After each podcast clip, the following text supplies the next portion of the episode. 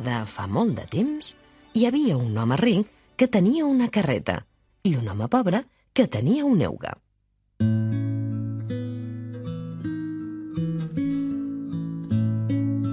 Una nit, que van coincidir en un hostal, l'euga de l'home pobre va parir un poltre. Però com que el terra feia una mica de baixada, el petit va rodolar i va anar a parar entremig de la seva mare i la carreta.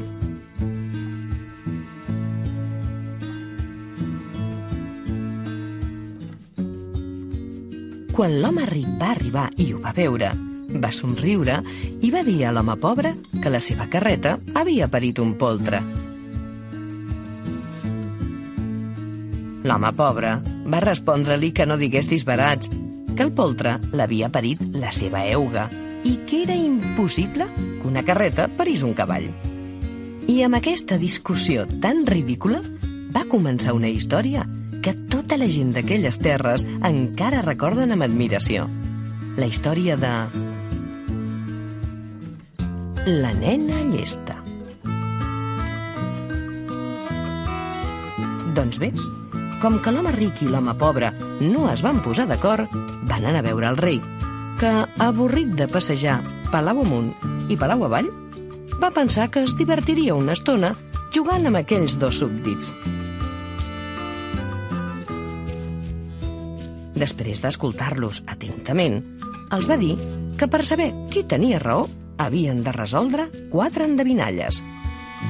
Què és el més fort i més veloç del món? Què és el que alimenta més del món?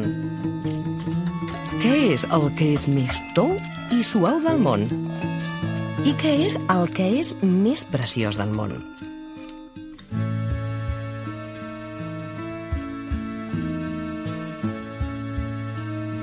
L'endemà, l'home ric va respondre que el més fort i veloç era el millor cavall de sa majestat, que el que alimentava més era el porc més gras de sa majestat, que el que era més tou era el coixí de plomes de sa majestat i el més preciós, el retrat de sa majestat. Després, el rei va fer cridar l'home pobre i l'home pobre va respondre que el més fort i veloç era el vent. Que el que alimentava més era la terra, ja que alimentava tots els éssers vius. Que el que era més tou i suau era la mà de les persones, perquè sempre hi posen la cara a sobre quan s'adormen. I no hi ha res més suau que una carícia. I finalment, que no hi ha res més preciós que dormir profundament. El rei, meravellat i desconcertat per aquelles respostes, li va demanar si l'havia ajudat algú. I llavors, a l'home pobre, li van brillar els ulls i va dir que l'havia ajudat la seva filla, de set anys. Al rei, però, no li va agradar gens que una nena, filla, a més d'aquell pobre infeliç, hagués sabut respondre les seves endevinalles amb tanta astúcia i saviesa i va pensar que li donaria una lliçó. Va donar un fil a l'home i li va dir que ja que la seva filla era tan llesta, doncs l'endemà mateix li portés una tovallola teixida per ella amb aquell fil.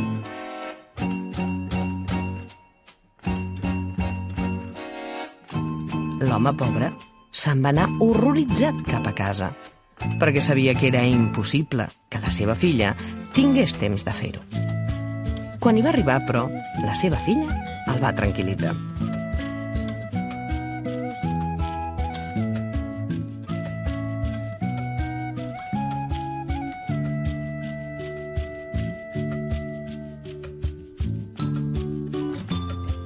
L'endemà, l'home va tornar al palau i va donar al rei una branca, tot dient-li que la seva filla li feia saber que teixiria amb molt de gust la tovallola que li havia encarregat, però que ho faria amb el taler que sa majestat fes construir amb aquella branca.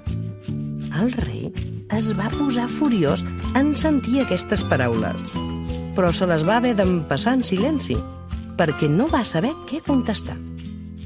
Però després va dir a l'home pobre t'ordeno que la teva filla es presenti davant meu demà al matí i amb les condicions que ara et diré. L'home pobre va tornar a casa seva esgarrifat pel que havia de dir a la seva filla. El rei Madí va explicar-li que demà al matí has d'anar a Palau, però no t'hi pots presentar ni vestida ni despullada, ni a peu ni a cavall, ni amb un present ni sense cap regal. La seva filla el va tranquil·litzar i de bon matí la nena es va treure la roba, va pujar sobre una llebre i se'n va anar cap al palau. Quan va arribar davant de sa majestat, amb el cos cobert per una simple xarxa, li va oferir una guatlla. Però just en el moment que el rei va allargar la mà per agafar-la, la guatlla va volar i el rei es va quedar sense regal. Llavors el rei, meravellat per la manera com la nena havia sabut complir les seves ordres, es va donar per vençut i li va demanar que fos la seva serventa. Però la nena li va dir que havia d'ajudar el seu pare a pescar peixos de la pomera. El rei va somriure i li va dir que tothom sap que allò que deia no tenia ni cap ni peus. I llavors la nena va contestar-li que ja que sa majestat era tan savi, per què trigava tant a decidir el que també tothom sap? Que els pollins neixen de les eugues i no pas de les carretes. Llavors, el rei va acceptar que tenia raó i que, per tant, el cavallet era de l'home pobre.